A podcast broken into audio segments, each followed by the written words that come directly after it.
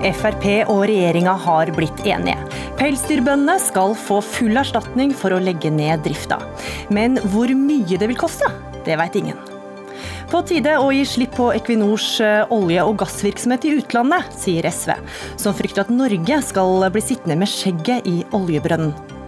Afrika trenger norsk næringsliv, mener NHO, som vil ta en milliard kroner fra klassisk bistand og gi til norsk næringsliv som vil satse i Afrika. Vi risikerer å utkonkurrere lokalt næringsliv, advarer rådgiver i Tankesmien Agenda. Og USA-dekningen i NRK er som et virus, ifølge forfatter og journalist Morten Strøksnes.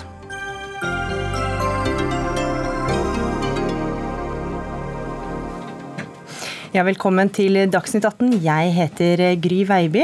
Og I løpet av denne sendinga skal vi også høre at Høyre-utspill om arbeidsplassene som går tapt dersom Lofoten, Vesterålen og Senja vernes, vekker reaksjoner. Men mer om det seinere, for nå skal vi til pelsdyrnæringa. For i dag ble det satt et foreløpig punktum for norske pelsdyrbønder. For etter at Stortinget vedtok forbud mot pelsdyrhold, har det vært mye debatt om hvor mye pelsbøndene skal kompenseres for å legge ned drifta. Det innledende tilbudet skapte ramaskrik i næringa, men i dag inngikk altså Frp og regjeringa et forlik som vil gi full erstatning til bønder som må legge ned. Og Olaug Bollestad, du er landbruks- og matminister. Eh, det har vært mye spørsmål ved hvor mye dette kommer til å koste. Kan du oppklare det for oss? Nei, det kan jeg ikke si sånn, fordi at dette her skal jo være etter en taksering. Hver enkelt gard som driver med pelsdyr, skal nå takseres det som går på pelsdyrdrifta. Eh, og det har ikke jeg innsikt i hva vil koste. Eh, og Derfor så vil ikke jeg gå ut med et tall, for da blir det tallet hengende. Eh, det som var den andre ordningen som da ble vraka i dag, det var jo at vi kunne vi satte en sjablong på hver mink og på hver rev. Da kunne en beregne dette på en annen måte. Men nå skal det takseres på hver gard, og ut ifra det lage en kompensasjonsordning som bøndene da skal få. Det er utgangspunktet for diskusjonen i dag. Men, men eh, hvordan kan dere vedta noe dere ikke vet hvor mye vil koste? Det er jo prinsippet som har vedtatt i dag. Vi har ikke endra verken på hva tid nedleggelsen skal være et faktum i 2025. Det andre vi er sikre på, det er at vi skal gi en kompensasjonsordning. fordi når vi nå hadde de sjablongene, sant, så ble det til mer vi gikk opp i pris, til større ble avstanden mellom pelsdyrbønder. Og det gjorde at det, når Stortinget var villige til å legge mer penger på bordet, så ble det en skeiv fordeling ut ifra dette. Og det var grunnen til at en da gikk inn for å endre denne ordningen til å bli en ordning hvor vi skal bruke ekspropriasjonsprinsippene og lage en kompensasjonsordning ut ifra det. ja, for Dere snakker altså om en ekspropriasjonslignende ordning, og det betyr da altså tvungen salg av eiendommen til staten. Hvordan er dette tenkt? Er ikke, de skal jo ikke selge noen eiendom til staten. De skal, men det er jo, Så de slipper det, å selge eiendommen sin? Ja, Det er jo næringsforbudet på dette som er poenget. At de får ikke lov å bruke dette. og Da står det, da står det ekspropriasjonsprinsipper og det betyr at da er det prinsippene som ligger bak, men de eier fortsatt eiendommen sin. Så, så, så en pelsdyrbonde kan eh, få pris, altså få penger for eh, tomta si uten å måtte selge noe som helst, og starte noe helt annet? Ekspropriasjonsprinsipper er det som ligger til grunn. og Det betyr Det betyr jo egentlig salg av eiendom? Ja, hvis du bruker loven, men nå er det prinsippene som ligger i dette, og det er hvordan vi ser på den, eh, på den eiendommen som nå ikke skal drive med den næringen de egentlig har drevet med før. Og så skal en lage en kompensasjonsordning som skal dekke opp det de ikke får lov å drive med, men som de har lånt til for å bygge f.eks. Eh, pelsdyrhus, og har lagt opp næringa si etter. Men det betyr at eh, hvis du er en eh, pelsdyrbonde, da, så kan du drive med noe helt annet og slippe å selge noen ting, men drive i, i, i på gården din, f.eks. med lama. da. Ja, Det har ligget til grunn hele veien, òg med den ordningen som lå før. Det ligger til grunn omstillingsmidler, sånn at du kan drive med annen virksomhet på gården din. Det er ikke endra ut ifra vedtaket i dag. Nei, Men prinsippet som ligger til grunn, betyr at de får mer penger? Det betyr at de får mer penger, og de får en, en mer presis fordeling av pengene, fordi en da gjør det etter disse prinsippene. Og det er men, viktig. Men, hva vil du si til de, de som mener at dette her kan skape presedens for andre bransjer da, som må legge ned? Nei, for det prinsippet vi er ute litt og det er jo ikke Men vil ikke det kunne skape presedens? Nei, vi setter de grensene som jeg tror er nødvendige for dette. Men andre som må legge ned, kan jo si det skjedde med pelsdyrbøndene. Ja. Da bør vi også få lov til å få betalt for tomta vår sånn, og begynne med noe annet. Nå er det jo ikke sånn at Noe av diskusjonen har jo vært at det, det er jo ikke så ofte vi har lagt ned eh, næringer eh, i Norge.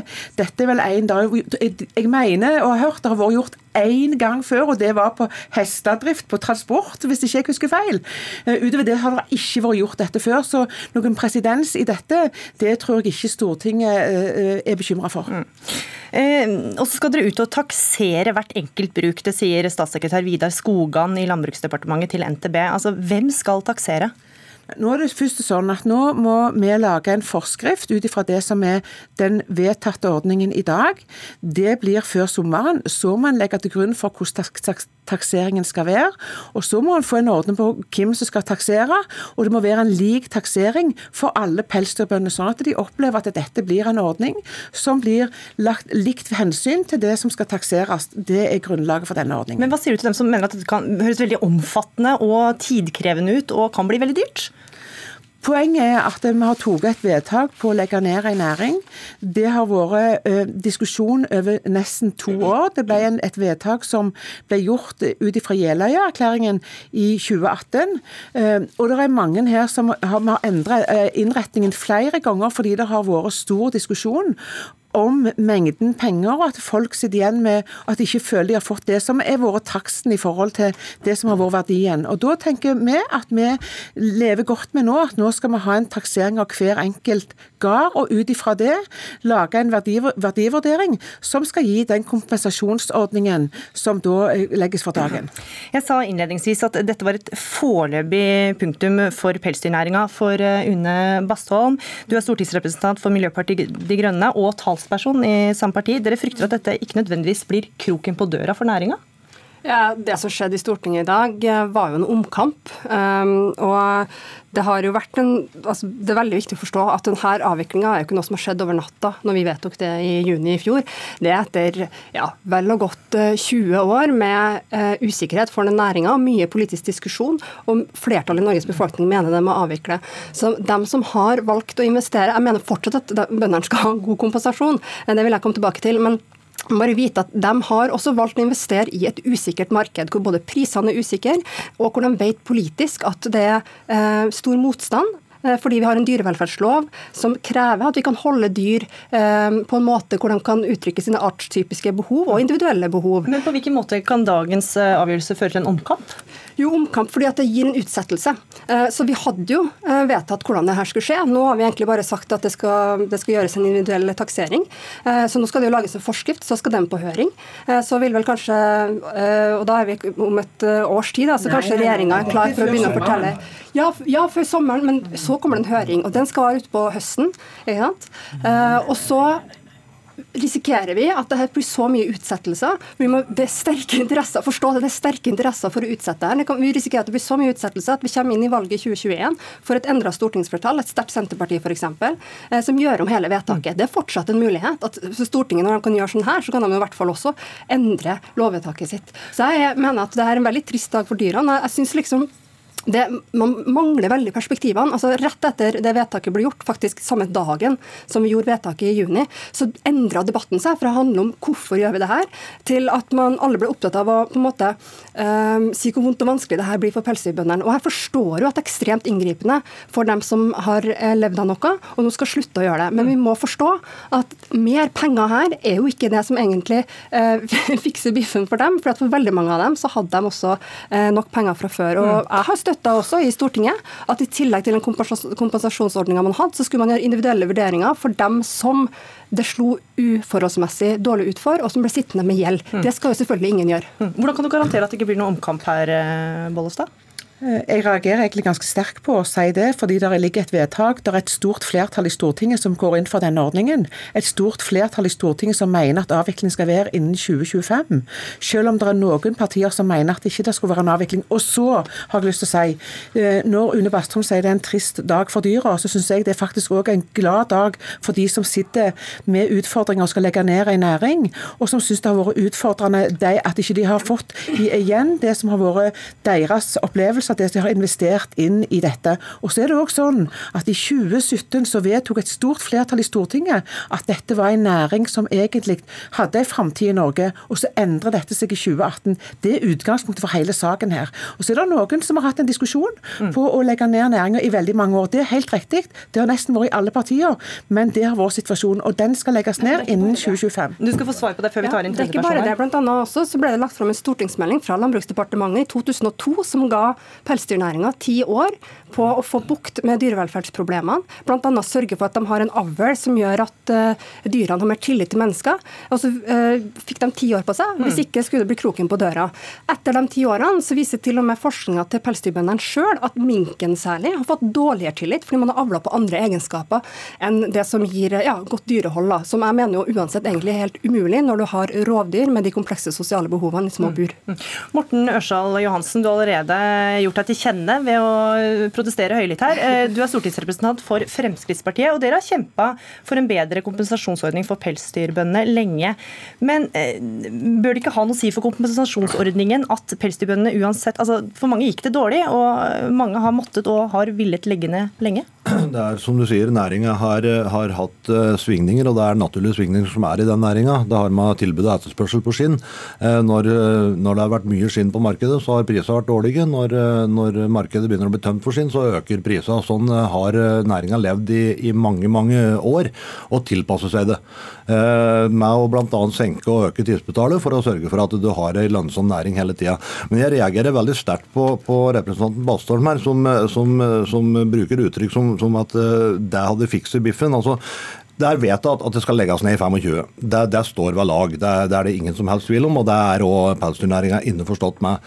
Men å si her at her, disse herre hadde mer enn nok med penger fra før, så de hadde klart seg, det er provoserende og det er en absurd påstand. Det er mange av disse her som eh, har lagt enorme summer i å sørge for at de har gode bur. De har sørget for å ha god dyrevelferd. De har brukt av sparepengene mm. sine, de har brukt av overskuddet de har hatt. De har lånt penger for å sørge for dette. her. Men samtidig drive, så er det jo en næring, en næring som, de som det har vært, vært flertall for å legge ned ganske lenge. Nei, det har de ikke.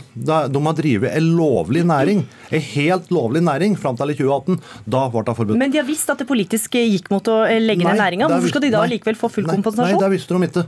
Vi vedtok i 2017, jeg var saksordfører for den saken, å, ha, å, å sørge for at vi fikk ei, ei framtidsrettet næring. Ei næring som kunne få lov til å utvikle seg. Og så gikk det et år, og så ble det forbudt. Mm. Det, det, er klart, det skaper usikkerhet, det er det ikke noen tvil om. Men disse her, de har investert i mange mange år før da, og sørger for å ha, ha, ha gode bur, ha, ha, utstyr som er i orden, uh, sikre frostfrie, frostfrie vanningsanlegg. Altså enorm investering som de har brukt enormt mye penger på. Det er formua deres som de har der. Det er formue som skal overføres til neste generasjon. Det er det de skulle leve av. Det er pensjonsnummer, som det kalles òg i landbruket noen ganger. Og dette her går vi da og tar ifra dem. Og så kommer det noen og forteller meg at nei, de skal ikke kompenseres for det. De skal ikke få igjen formua si. Da blir jeg mektig provosert, og sånn er uhørt å, å si. Da kan jeg jo roe ned det hissige engasjementet ved å si at jeg sa jo aldri at de ikke skal få kompensasjon. Dette er ikke en debatt om man skal få kompensasjon eller ikke. Men tross alt så er det sånn at i januar 2018 fikk næringa beskjeden om at det kommer til å bli forbud. I juni 2019, altså ett og et halvt år etterpå, så gjorde Stortinget et vedtak. Da har jo ikke regjeringa og Landbruksdepartementet sittet og tvinna tomler i den tida. De har jo visst veldig godt hatt full kontroll på hva det er slags kompensasjonsopplegg vi opprinnelig vedtok. Grunnen til, vi, grunnen til, at vi, gjorde om hele det vedtaket i dag, da, som, Stortinget ellers aldri, som Stortinget ellers aldri gjør, er jo fordi det har vært en enorm protest. Mm. Og da mener jeg da burde man håndtert det mye mer elegant. Istedenfor å kaste over bord det vi allerede har vedtatt, så burde man sagt ok, da ser vi på de brukene det, som kommer uforholdsmessig dårlig ut. Sørge for at ikke noen sitter igjen med gjeld. Men det det her fører til, er at du får nye utsettelser. Og det er helt reelt at jeg er bekymra for, for det. For du foreslår bare gjeldsslette? Fordi at en gjeldsslette, Da må du gå inn på brukene til mm. dem som mener at de har kommet uforholdsmessig dårlig ut. Og En del ville jo ville også med forrige ordninga, eller den vi, vi trodde vi hadde, eh, kommet bedre ut enn om de hadde fortsatt med driften. Eh, så det det vi, det vi, debatterer nå, er jo ikke prinsippet om de skal få kompensasjon. For jeg mener at politikerne har et enormt ansvar for at uh, også de investeringene har blitt gjort. Det var jo politikerne som på 80-tallet inviterte bønder til å begynne med pels som sidenæring. fordi da var det et kjempeinteressant eh, luksusprodukt som folk ville smykke seg med. Det er det ikke lenger. Tida endrer seg. så det her var allerede en næring på hell. Uh, og så har Stortinget i tillegg gjort et vedtak basert på at vi har en dyrevelferdslov. Det er, noe, det er masse vesen i Norge som ikke har en egen stemme. Dem har vi tatt ansvar for at får en stemme i Stortinget ved å vedta avvikling. Og Så hadde vi god tid på å forberede en kompensasjonsordning for det, og vi vedtok det. Og så ble det en omkamp fordi noen roper høyt. Mm. Nei, først har jeg lyst til å si eh, Vi brukte halvannet år, det er helt riktig, for å skulle finne en lovhjemmel. og hvis du, eh, Une Bastholm vet jo hvor lang tid det tar å lage en lovproposisjon. Det ble gjort, og i tillegg så begynte en En fikk inn en høring i januar i 2019 med store reaksjoner, nettopp fordi at folk satt igjen med mye eh, så de ikke fikk inndekning på. Vi endra det når loven ble vedtatt i 2019. Så hadde vi forskriften ute på høring og så igjen at det her var det skjevheter som gjorde at vi endra. Så vi har endra flere flere ganger, nettopp fordi vi har lytta til befolkningen. Men, men Bollestad, dette kommer jo til å koste mye penger. Dere vet jo ikke hvor mye. Men hvor skal pengene tas fra? Nei, det, er jo, det, er jo, en prioritering en må ta, fordi en har tatt et vedtak. Og så er det sånn at alt kommer ikke på ett år. Fordi mm. vi har nå sagt at ordningen skal legges ned innen 2025. Det betyr at noen har en mulighet for å legge ned tidlig, andre ønsker å drive lenger. Poenget er at vi skal legge prinsippene til fast. Og jeg reagerer òg på når Une Bastholm sier det skal utsettes, for vi skal ha forskriften ferdig ferdige til sommeren. Det er mitt mål. Det har vært på høring i seks uker. Mm. Så skal vi legge til uh, å få takst og prinsippene bak takst, og så skal taksten gjøres. Så jeg har en og da får vi også den totale prislappen. Og det var alt vi rakk faktisk om pelsdyr i denne omgang. Takk for at dere var med i Dagsnytt 18. Une Bastholm, nasjonal talsperson og stortingsrepresentant for Miljøpartiet De Grønne. Morten Ørsal Johansen fra Frp og Olaug Bollestad, landbruks- og matminister fra KrF. Dagsnytt 18 alle hverdager kl 18.00 på NRK P2 og NRK2.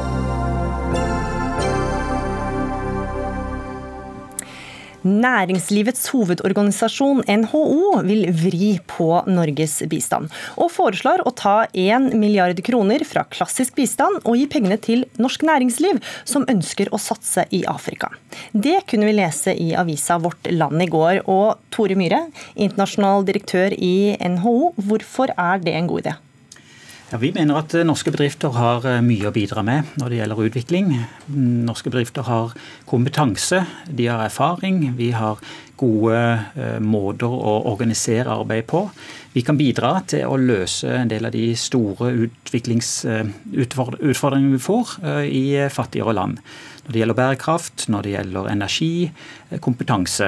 Og Vi tror det er viktig å, å, prøve å engasjere bedrifter i enda større grad. Men hvorfor trenger dere å ta av eh, norsk bistand? Klarer ikke næringslivet å ordne dette sjøl? Jo, eh, bedriftene er ute og, og, og skaper jobber hver eneste dag, og, og, jobber kommersielt. Men det som er spørsmålet er, skal vi få bedriftene til å gjøre kanskje enda noe mer? Noe som de ikke ville gjort ellers. Nettopp bruke den kompetansen inn til å skape jobber i de fattige landene. Og da tenker vi at det er et større grad av samarbeid med, med, det offentlige. Og der kommer også bistandsmidlene inn til å nettopp skape noe, noe nytt. Så, ja, og Hvordan konkret skal dette foregå? da? Så Vi har en ordning allerede som Norad forvalter. som heter strategisk partnerskap. Eh, den trenger å forbedres litt, det vet jeg at man jobber med. Men det er da en ordning der bedriftene søker eh, om midler, eller kan søke om midler, eller det er en frivillig organisasjon som søker. Og så går man sammen med bedrifter, eh, andre organisasjoner, for å skape utviklingsprosjekter. Så det er ikke snakk om en type subsidie til bedriftenes ordinære virksomhet, men det er snakk om å prøve å engasjere bedriftene til å gjøre noe de ikke ellers ville gjort, som er utvikling. Mm.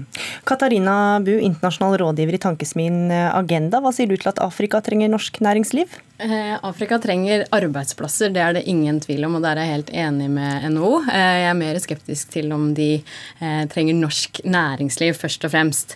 Det er sånn i dag at det finnes mange støtteordninger for å fremme norsk næringsliv ute.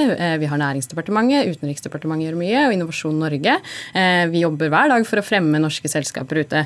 Men vi må skille mellom målet, som er å skape flere arbeidsplasser, og utvikling og fattigdomsbekjempelse i afrikanske land, og virkemidlet og her tar NHO til orde for å bruke bistanden eh, som et virkemiddel. Eh, og norsk næringsliv gjør veldig mye bra, og de kan bidra til utvikling, men vi forskning viser at det er ved først og fremst å støtte lokale små og mellomstore bedrifter at vi skaper flest arbeidsplasser og bidrar til utvikling. Og eh, det vi også vet, er at skal vi dra nytte av næringslivet, så må det være noen rammebetingelser på plass. Da snakker vi om lovverk, regulering, skattesystemer, en utdannet og frisk befolkning. Og i veldig mange afrikanske land så er ikke disse rammebetingelsene på plass. Og da er spørsmålet er det ikke mer fornuftig å bruke bistand på disse rammebetingelsene, og på det vi vet Endre systemet? Eh, ja, altså at mm. man støtter eh, liksom, institusjonsbygging. Mm. Skatt for utvikling gjør vi allerede i dag. At vi bygger skattesystemer sånn at skatteinntektene faktisk kommer befolkningen til gode. I veldig mange utviklingsland og i afrikanske land i dag så er det en liten elite på toppen som drar nytte av investeringene. Ulikhetene øker i veldig mange afrikanske land. Eh, og befolkningen ellers ser ikke noe nytte av disse investeringene. Eh, så det er ikke bare å pøse bistandsmidler inn i privat sektor. Det har vi også sett i veldig mange tilfeller ikke har den effekten som man håper på.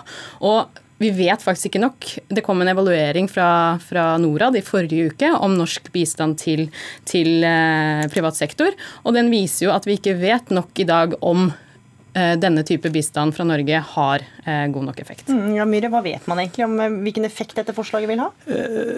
Ja, Vi vet jo at skal du skape utvikling, så trenger du jobber. og Det er jeg helt enig, enig i.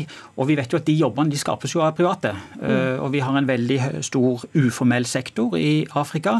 Som er viktig å få den over i formell sektor, få det inn i ordna forhold. Og det å skape både lokale, og det er også helt riktig, lokale bedrifter er jo kjempeviktig, men det er ikke noe motsetning motsetning i det å støtte lokalt næringsliv og det også å bruke norske bedrifter. Nei, for Da mener du å samarbeide for eksempel, da, med lokalt næringsliv? Ja, når eh, norske bedrifter går inn, så går de jo inn i verdikjeder. og eh, Da trenger du å samarbeide lokalt. Du trenger å kjøpe av underleverandører og du trenger å selge. Eh, da tar du også med deg norske erfaringer og bidrar til å skape den utviklinga. Det er også noe med den profesjonaliseringa som eh, vestlige og norske bedrifter kan bidra med. Hvordan du driver business, hvordan du har regnskapssystemer. Nettopp for å få bukt med en del av de dårlige rammebetingelsene som, som det ble pekt på her. Og det er jo helt riktig.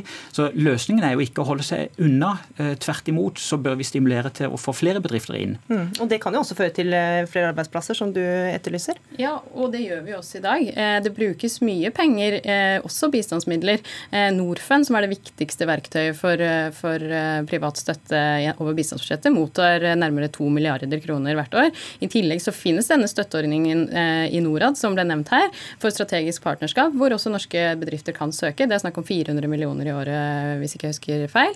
Så det er ikke sånn at vi ikke bruker penger på dette i dag. Men å si at vi skal bruke enda mer eh, når ikke vi vet nok om effektene. fordi dette er ikke noe vi har drevet med så veldig lenge i bistanden, eh, sammenlignet med en del andre tiltak vi gjør i bistanden. Og vi har også hatt eh, en stor reform i norsk bistand i år mellom UD og Norad. Og det trengs også folk som skal forvalte disse pengene. Og det er det heller ikke nok av i Norad i dag, som kan forvalte nok og stadig mer penger til dette. Så her tenker jeg at NHO bør først og fremst være den organisasjonen NHO er, som er å fremme norsk næringsliv ute. og det gjør man over hele verden, ikke bare i Afrika. Eh, og så bør de kanskje roe seg litt og ta det litt roligere når det gjelder å stikke fingeren inn i, i bistandsbudsjettet, før vi vet nok om effekten av dette. Vi, vi, vi, ser jo at de landene som har klart å utvikle seg, det er jo de som har stimulert til privat næringsliv. og Da kan vi jo bare sammenligne med de asiatiske landene, som var på samme nivå som en del afrikanske land for noen tiår siden, men som har klart å utvikle seg nettopp fordi man har stimulert til, til næringsutvikling. Så Vi er overbevist eh, om at norske bedrifter kan bidra til å skape den, den utviklinga som vi trenger. Og så er det helt åpenbart at man eh, må gjøre noe med rammebetingelsene. Det er jo nettopp derfor det er for lite næringsvirksomhet der. Fordi det er uforutsigbarhet, det er korrupsjon, det er ikke ordentlige rettssystemer. Og da kan, eh, da kan norske bistandsmidler være med å ta ned risiko, sånn at du faktisk stimulerer flere norske bedrifter til å, til å gå inn i, mm. i vanskelige land. Det er jo helt feil. Altså det de asiatiske tigrene gjorde, eh, Sør-Korea, Taiwan, Hongkong eh, osv., det var jo å beskytte eget næringsliv før de åpnet opp for internasjonalt næringsliv. Eh, Så det er jo heller ikke riktig. Og det at afrikanske land kommer til å ha en industrialiseringsprosess på, linje, på lik linje med som de asiatiske landene, det viser jo forskninga helt feil. Nettopp fordi at ikke de har tilfredsstillende kunnskap, de har ikke disse bedriftene, og fordi at de asiatiske landene i stor grad holder fast på sin utviklingsmodell og kommer til å gjøre det lang tid i forveien. Mest sannsynlig så er det Eh, rom for å skape flest arbeidsplasser i såkalt mellomsektorer, som eh, ikke-tradisjonelt landbruk, offentlig sektor, servicenæringen. Og eh, hvis norske selskaper har mye å bidra med der, eh, og faktisk eh, får til det, så er det positivt. Men det vi vet i dag, er jo at norsk næringsliv er først og fremst til stede i eh, olje og gass og mm. den type næringer. Ja, det er jo ingen som, ingen som, hindrer dere å gå inn? Nei, men og som sagt, altså, norske bedrifter er jo inne på kommersielle vilkår. men Poenget er at de burde vært mer i større grad. Altså, det er jo enorme utfordringer som du har. Du skal skape strøm, elektrisitet, fornybar kraft. Det er jo, Hvis en baker skal prøve å ha et bakeri, og så går strømmen annenhver time, så er det veldig vanskelig. Norske bedrifter har den kompetansen og kapasiteten til å gå inn der og, og skape strømforsyning, eh, pålitelige nettverk. Og det er den type rammebetingelser som, som, skaper utvikling. Men kan det også bidra til å, å utkonkurrere lokalt næringsliv, f.eks.? Ja, jeg tror det er nok av oppgaver, sånn at uh, det, der kan man styrke hverandre.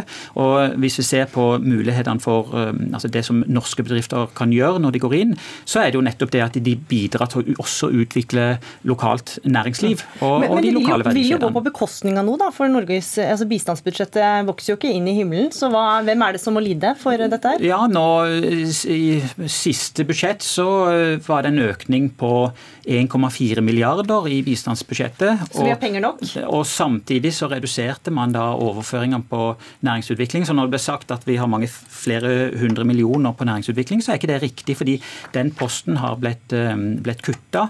Og vi ser jo også at skal du få bedrifter til faktisk å bruke den type midler, så må du ha langsiktighet og forutsigbarhet. Og det har vi ikke hatt i, eh, i bistands... Eh, I, i, disse postene og det som går på næringsutvikling nå i de siste årene. Og det er jo det, det er ikke nødvendigvis bedriftene som står i kø for å søke om penger. Det er jo mer det at vi for å få til utvikling, ja. så burde politikerne komme til bedriftene og se hvordan kan vi få bedriftene til å gjøre enda mer. Veldig kort før to ting veldig kort. Det aller meste av penger som går inn i Afrika mm. i dag, er private investeringer. Det er ikke bistand. Bistanden er en veldig liten del av det totale eh, pengebeløpene. Og for det andre, det er jo nettopp det som er faren, at man utkonkurrerer lokalt næringsliv hvis man gir lukrative ordninger for norsk næringsliv. Det er veldig vanskelig for mye lokalt næringsliv å få eh, lån, f.eks. De er veldig dyre. og Derfor bør vi heller kanskje stimulere til den type aktivitet som f.eks. Norfund i dag gjør. Mm.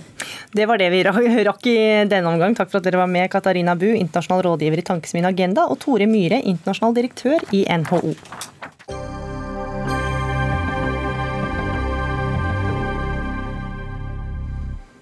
Distriktsministerens utspill om eh, oljeutredning av Lofoten, Vesterålen og Senja møter kraftig kritikk fra miljøbevegelsen. Har ikke rot i virkeligheten, sier lederen i Naturvernforbundet, som kommer til oss litt seinere. Men nå skal vi til USA. For eh, kampen om å bli demokratenes presidentkandidat fortsetter, og i dag er det valg i New Hampshire. Det er en liten stat med bare 1,5 millioner innbyggere, men valget regnes som viktig, siden det er det andre av i alt 50 nominasjonsvalg fram mot sommeren. Og korrespondent eh, Veronica Westrin, du er i et eh, stemmelokale, Bedford High School.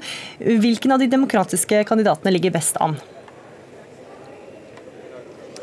Er vel Bernie Sanders som har eh, leda nå, tatt, inntatt ledelsen på meningsmålingen, men også Pete Buttigieg. Er jo, det er de to som kniver og fortsatt er uenige om hvem som egentlig vant Iowa, som får mye oppmerksomhet her. Men jeg tok en sånn liten, uform, helt uformell eh, opptelling her i stad, hvor jeg stilte en del spørsmål til folk som har stemt, og flesteparten av dem de har stemt på Donald Trump. Mm.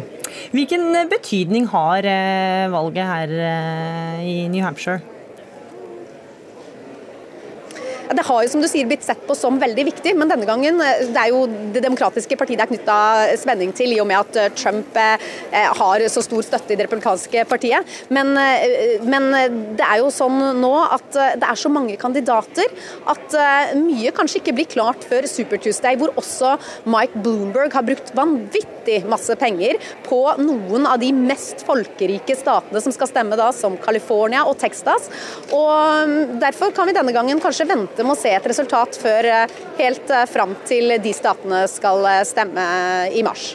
Vi skal snart ha en debatt om NRKs dekning av USA-valget her i Dagsnytt 18 nå, Veronica. Men hva er ditt inntrykk av hvordan valget dekkes i amerikanske medier? Det dekkes jo enda tettere enn eh, sånn vi dekker det.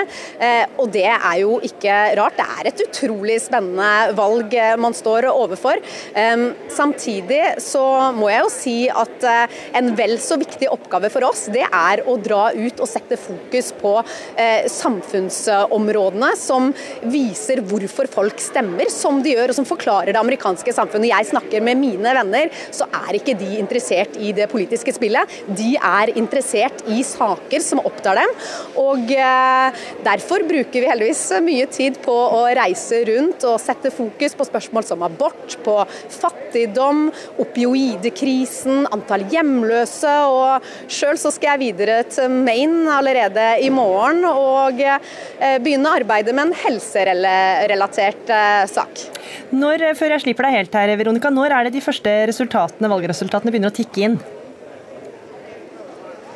Det er venta at de kommer i kveld eh, amerikansk tid, i natt for dere. Som dere ser så stemmes det på en helt annen måte her enn sånn det var i Iowa, hvor folk fysisk gikk rundt i gymsalen og stilte seg i et hjørne. Ehm, her så legger de eh, en eh, stemme i stemmeurna, så det går nok litt smidigere for seg her enn det kaoset vi så i Iowa. Veronica Wistrin, takk for at du var med. Det vitner i hvert fall om at det kommer til å bli mer USA i NRKs eh, flater. Og syns du det kan bli litt mye og detaljert dekning av eh, USA og amerikansk politikk? Ifølge forfatter og journalist Morten Strøksnes dekker norske medier USA-valget som om vi i Norge hadde stemmerett. Alle reportasjene, analysene og oppdateringene forteller oss at nyhetene i USA, uansett hva, er det viktigste som skjer i verden. Ja, det skriver du på Facebook, eh, Morten Strøksnes. Du sier selv at du er over middels interessert i USA, men når var det det ble nok for deg? Mm, ja, altså det begynner å bli egentlig ganske lenge siden at jeg fikk nok av eh, den norske dekninga av, av, eh, USA, av amerikansk politikk. For det har vært sånn ganske lenge nå. Det er ikke bare, bare Donald Trump og, og, og, alt det som er blitt fantastisk interessant å dekke i stor grad av detalj for, for NRK og andre. Sånn var det også under eh, Obama. Da hadde man eh, andre knapper å trykke på, andre liksom uh, diktomier eller motsetninger. Så jo, jeg er mer enn gjennomsnitt, gjennomsnittlig interessert i USA. har tidvis bodd der, liksom skrevet reportasjer derfra, bok til og med. og abonnerer på, eh, på, mange amerikanske tidsskrifter til og med. Men det er noe feil med den norske eh, dekninga, sånn og spesielt NRK sin, vil jeg si. For NRK har et ansvar for å på en måte mm, bringe fram eh, selvstendige norske perspektiv i det her. Og perspektivet på dekninga har også fått en slags vridning, vil jeg si. Vi ser Eh, hele verden, ikke bare USA, stadig mer med, med amerikanske briller, med en amerikansk ja, ja, horisont. Ja, for du mener at det, både vinkling, prioritering og dagsorden er amerikansk. altså Rent konkret, hvordan kommer det til uttrykk? Ja, rent konkret, altså Hvis man sitter en, eh, har vært hjemme et par dager, sånn som jeg var i forrige uke, med, med sykt barn og hører uh, mye nyheter i løpet av dagen, så kan man begynne å stille seg spørsmålet hvorfor mener NRK sin nyhetsredaksjon at disse nyhetene er det viktigste som skjer i verden nå. Når det egentlig er ni måneder til valget, og det er helt, eh, hvis man tar og løfter eh, blikket litt, ganske ubetydelige ting. Hvorfor har de lagt seg så tett opp til, eh, eller, så nært en personvalgkamp på denne måten? Hvorfor tenker NRK at, at, det er så viktig at det norske folk skal følge dette så tett? Det, det, er vanskelig å forstå. Jeg fant ingen gode svar på det. Og når jeg posta denne lille eh, frustrasjonen på, på, Facebook, som er grunnen til at jeg sitter her nå, så eh, viste det seg at det var svært mange som hadde tenkt akkurat det samme som, som meg, da, og uttrykte sin støtte. Og en av de var um, Tom Christiansen, altså NRK, det gamle NRK-ankeret. Um, han skrev uh, f.eks. La meg sitere det. Etter å ha tilbrakt atskillige år, tiår, i NRKs utenriksredaksjon og endog ledet den, finner jeg få feil i beskrivelsen av den manglende nyhetsvurderingen av amerikanske hendelser. Det ligger i blodet. Alt skal med langt ned i detaljer ja. som selv ekskorrespondenter stusser over. Når det blir for latterlig, trekker man på skuldrene. Forklaringen fra desksjefer er at dette vil folk ha. Ellers er forklaringen at Trump er viktig. Jeg har aldri møtt et, et slående argument, et stående argument for den meningsløse overdekningen. Og Med alle disse spørsmålene så skal vi gå over til deg, utenrikssjef her i NRK, Sigurd Falkenberg Mikkelsen. Kanskje du kan svare på noen av spørsmålene. Kan det bli for stor dekning av USA her i NRKs flater?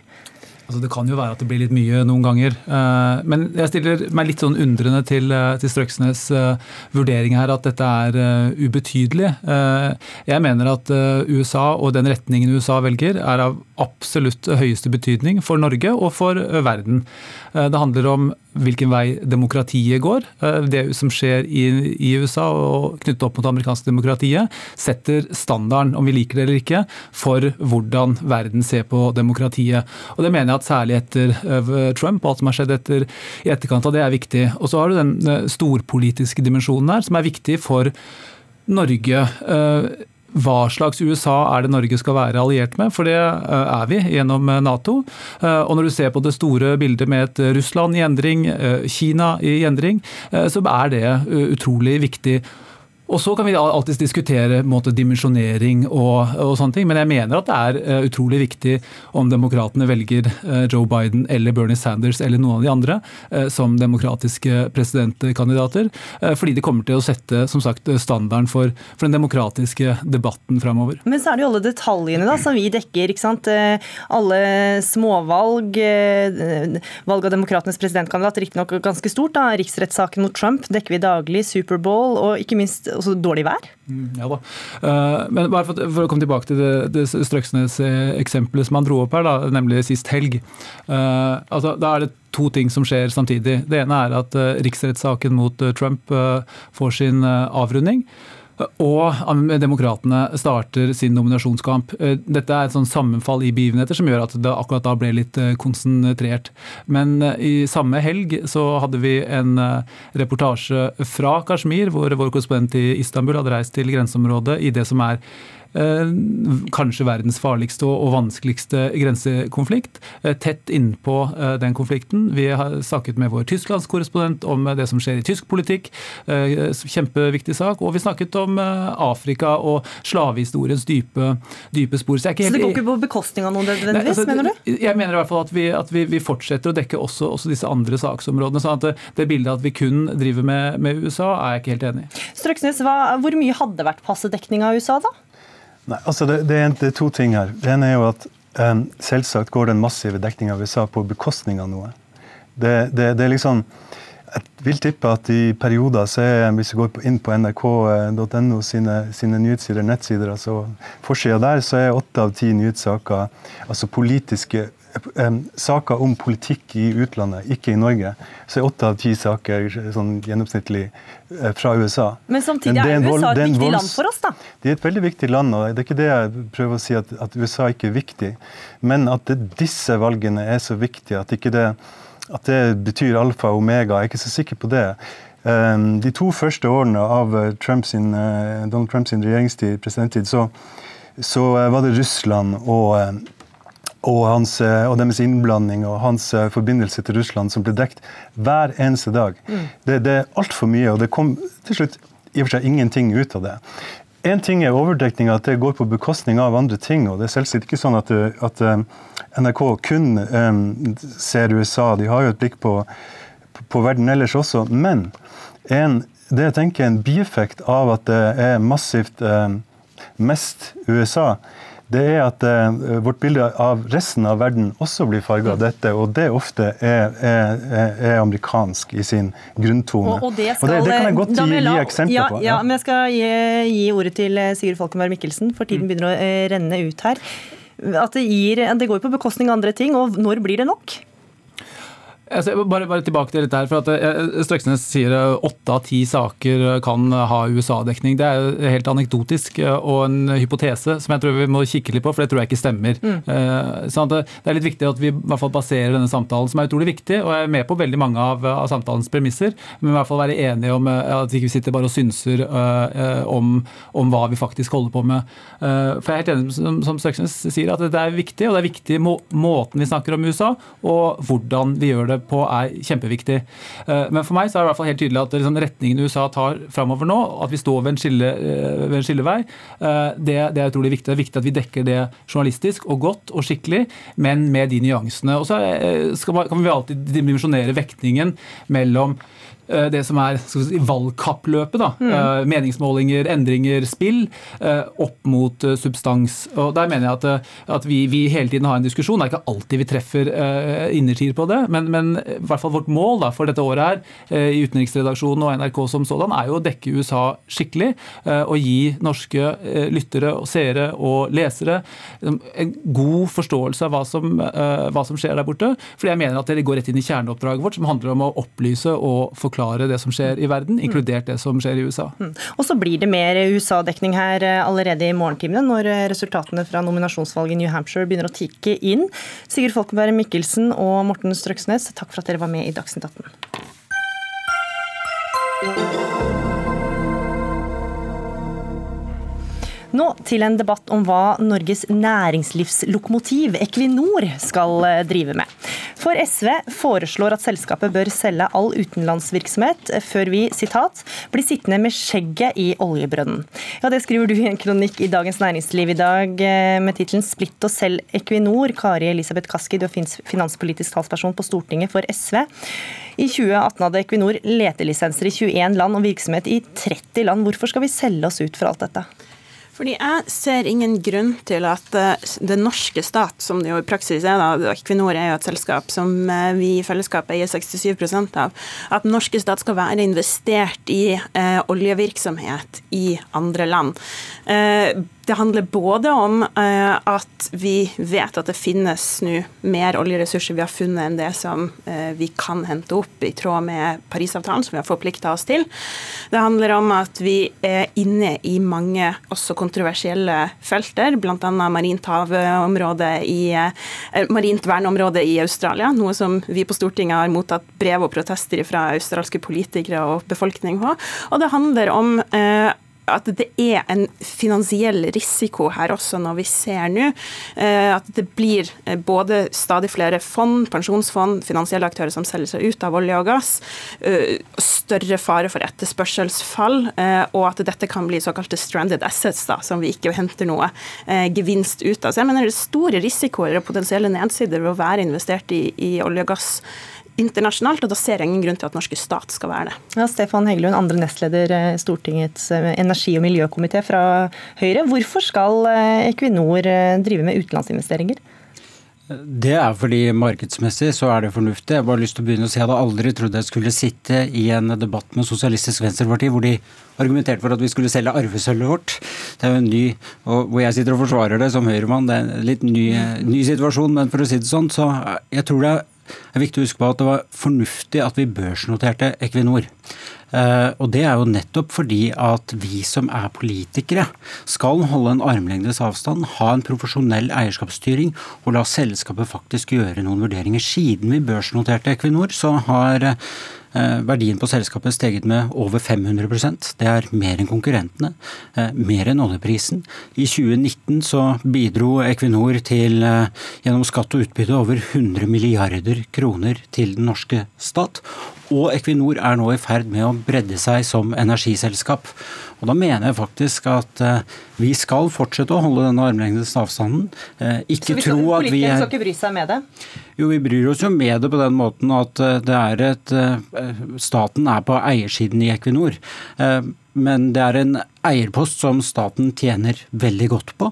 Og så mener jeg den utviklingen vi nå ser i Equinor er fornuftig, eh, hvor de bredder seg som energiselskap. Og jeg mener også at den politikken som Kaski tar til orde for her, vil gjøre det vanskeligere for Equinor å gjøre det. Mm, ja, og Kaski, Equinor driver jo også med mye eh, energipolitikk. Vindkraft i New York, Empire-prosjektet, internasjonalt samarbeid med bl.a. Storbritannia på Doggerbank i Nordsjøen. Hvorfor bør, eh, hvis, hvis, Norge går ut av utenlandsinvesteringene, så går vi også ut av slike prosjekter? Det jeg tar til orde for er at vi, vi splitter opp eh, Equinor, sånn at vi selger ut de fossile eh, prosjektene, si, fossile aktiviteten internasjonalt. Fordi at Jeg ser ikke at det gir noen grunn til at norske stat skal, skal være Eh, på eiersida og investert i, i, mange prosjekter som i praksis både har liksom finansiell politisk risiko, vi har også vært investert i diktaturer, bidratt da med, med skatteinntekter til diktaturer rundt omkring i, i verden. Er all utenlandsinvestering? Nei, og så bruke da de inntektene til å gi en kickstart til, til nettopp fornybarsatsinga inn i Equinor. De driver ja og omlegger seg til energiselskap, men det var voldsomt tregt. Det er fortsatt veldig liten andel som i realiteten er fornybarprosjekter internasjonalt.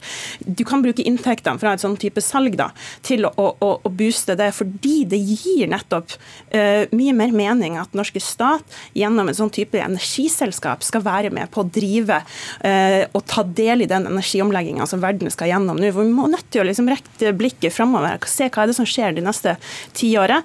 Da kommer vi til å se et verdifall i olje og gass. Det er ingen tvil om det lenger. Det kommer til å foregå en energiomlegging i verden. Da skjønner ikke jeg hvorfor, hvorfor vi skal sitte med eierskap i prosjekter som går på tvers av Parisavtalen med betydelig finansiell risiko, i stedet for å være med på den energiomlegginga. Men det er ikke all utenlandsinvestering du vil ut av? Nei, nei, som jeg nettopp mm -hmm. sier. ikke sant? Splitte. Mm. Ta de olje- og gassprosjektene, det skal bort gjøre på en måte olje- og gassdelen da, skal fortsatt være på norsk sokkel, men mer med en sånt høstingsfokus. Mm. ikke sant? Det kommer ikke til å vare evig, det heller.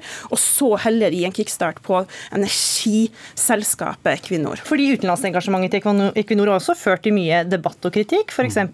oljesandinvesteringen i Canada, naturinngrepene i Australia. Hvorfor skal Equinor være involvert i det? Absolutt så har det vært mye debatt om det. Så mener jeg at andre land må uh, ha ansvar for forvaltningen av sine naturområder.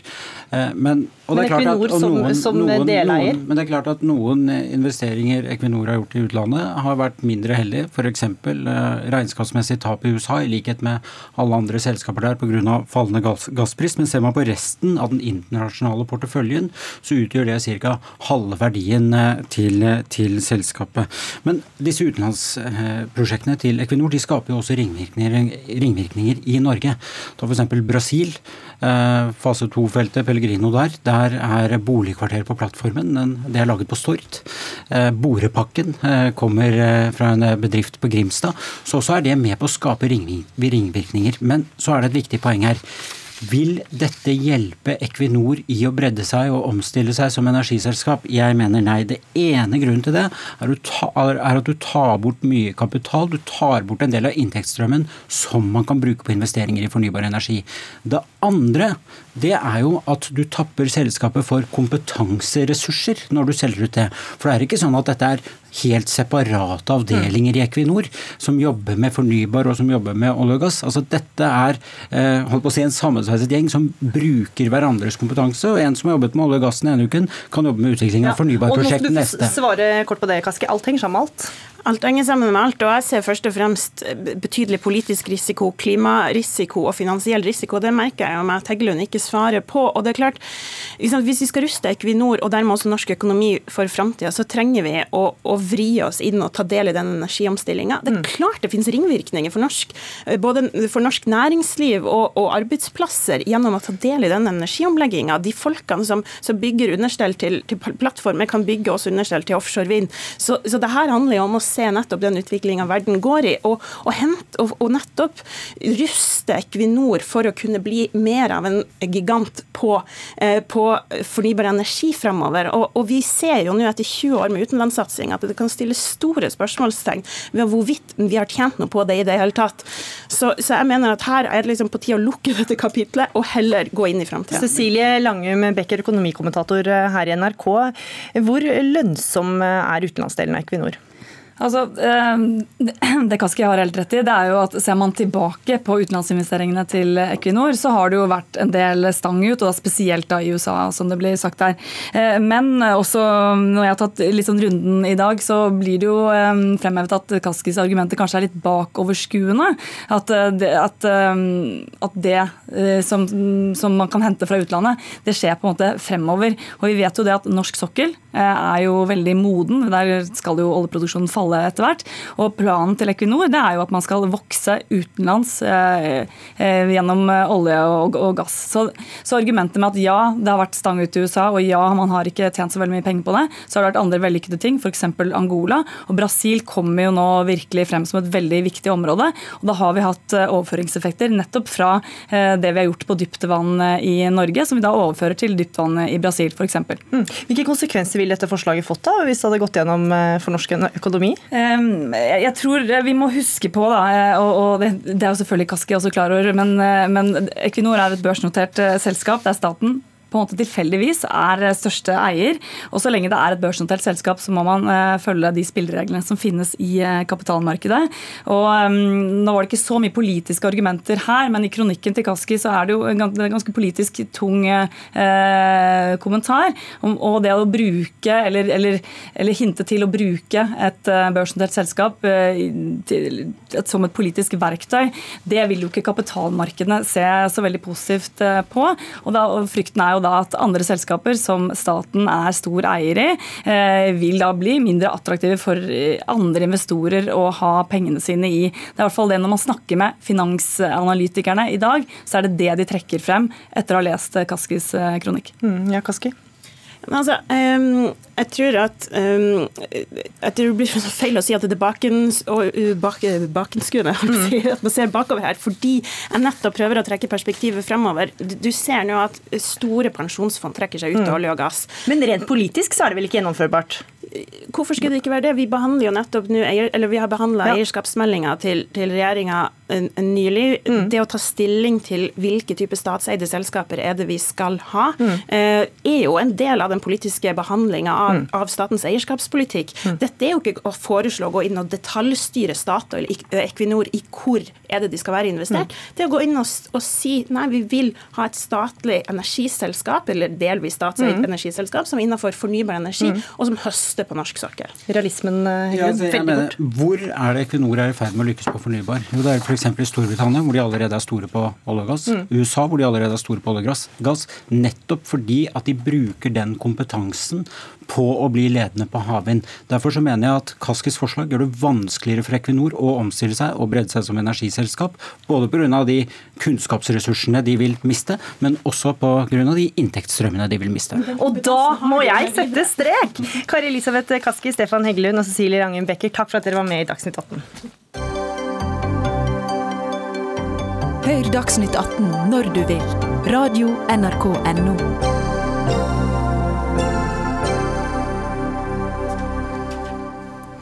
Et vern av Lofoten, Vesterålen, Senja vil føre til titusenvis av distriktsarbeidsplasser forsvinner ut av landet. Det skrev distriktsminister Linda Hofstad Helleland fra Høyre i en SMS til NTB, da det ble klart at flere fylkeslag i Høyre vedtok å oljeutrede området. Det har fått flere til å reagere, andre deg, leder i Naturvernforbundet, Silje Ask Lundberg. Du kaller dette utspillet for løgn. Hvorfor det? Fordi det er akkurat det det er. Altså, det er jo helt vanvittig at vi har en statsråd som kan eh, i det hele tatt finne på å skrive at man kommer til å, å, å miste 10 000 eh, distriktsarbeidsplasser dersom et område som har vært stengt for petroleumsvirksomhet i 20 år, fortsetter å være stengt. Altså Med den kortslutninga der, så har jo regjeringa allerede sørga for at vi har mista tusenvis av arbeidsplasser. Og så syns jeg jo det er rimelig svakt eh, at den samme statsråden ikke kan stille opp til debatt om nettopp det. fordi at det her handler jo om det hun har sagt. Det handler ikke om skal man være for eller mot oljevirksomhet utenfor Lofoten, Vesterålen og Senja i seg sjøl, men det handler om at man må forvente at representanter eh, fra de styrende partiene, og særlig når du er statsråd, faktisk forholder deg til fakta. Fordi som du sier så hadde Helleland ikke anledning til å delta i debatten i kveld, men det har du, Alexander Stokkebø fra Høyre. Du er stortingsrepresentant og sitter i finanskomiteen. Du, kan du forklare hvordan kan alle disse arbeidsplassene angivelig forsvinne?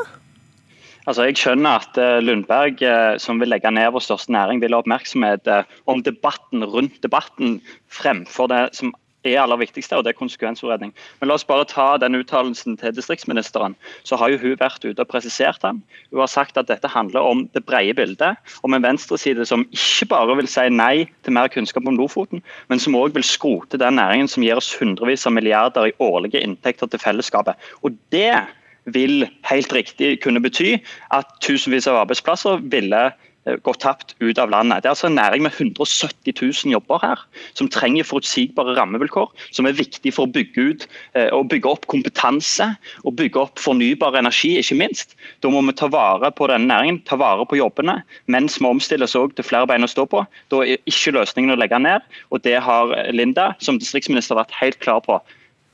Ja, altså det her er, stemmer jo ikke på, på, flere punkt. Det ene er at hun har jo slett ikke vært ute og presisert noe som helst. Hun har eh, lagt ut på Facebook eh, en eller annen oppdatering om sin, eh, sine generelle meninger rundt olje og gass. Hun har skrevet noen kommentarer som hun sendte til NRK, men hun svarer jo ikke på nettopp det som handler om at hun påstår at 10 000 distriktsarbeidsplasser kommer til å forsvinne hvis du får varig vern av et område som har vært verna i 20 år. Og så handler ikke det her om å skape oppmerksomhet rundt altså Alle de her vedtakene i Høyre sine eh, fylkesårsmøter kunne ha forbigått i stillhet for min del. Hvilke konsekvenser har dette utspillet? Altså, det, som, det er jo bare en så utfattelig uredelighet. Og så må jeg også si at det er ganske pinlig for kunnskapspartiet Høyre å ha statsråder som bedriver på den måten. Og det er nå engang sånn, Vi har diskutert framtida til havområdene utenfor Lofoten, Vesterålen og Senja opp i mente de siste 30 årene.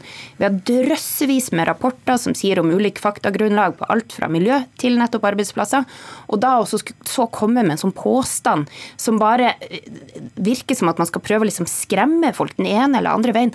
Altså, og så er det bare Det er så skrekkelig uredelig, og, og det skjønner jeg ikke åssen vi kan ha statsråder som driver og holder på med. Og da, ja, hvis hun hadde vært upresis, eller at det gikk fort, da burde hun bare ha sagt det med en gang. Men hun får seg jo ikke til å gjøre det engang, og da blir det litt sånn hvilket nivå skal vi legge debattene på? Jeg mener at man skal legge dem på et kunnskapsbasert nivå. Stokkebø? Det, det, er jeg helt enig i, at vi skal legge oss på et kunnskapsnivå. Og La oss eh, ta litt uh, kunnskap i den sammenheng. Altså, Olje- og gassnæringen bidrar hvert år med om lag over 200 milliarder kroner i inntekter til fellesskapet. Og når vi har sett på Lofoten, Vesterålen og Senja-området, så er det altså anslått fra Olje- Oljedirektoratet om lag 700 milliarder i salgsinntekter. 400-1100 arbeidsplasser bare i Nord-Norge. Dette er store men, verdier men, som vi kan skape. Men Stokkebø, den regjeringen dere er en del av, har også sagt nei til å konsekvensutrede dette området? Ja, det er riktig at det er inngått en kompromiss, men Høyre som parti er klare på at vi ønsker å konsekvensutrede dette området. Fordi vi mener at vi må få alle fakta på bordet og ta hensyn både til miljø, til fiskeri, til turismen. Eh, og sammen, gå, gå sammen for å skape vekst i Nord-Norge. Men, men, men, du er uenig med egen regjering? Jeg eh, mener, som Høyre mener, ja, riktig, at vi bør konsekvensutrede. Så Der er jeg uenig i det utgangspunktet som Eh, og det kompromisset som regjeringen har. Og Høyre er tydelige på at vi ønsker å konsekvensutrede eh, dette området, fordi det kan generere store verdier, men selvfølgelig skal det ikke gå på bekostning av miljøet.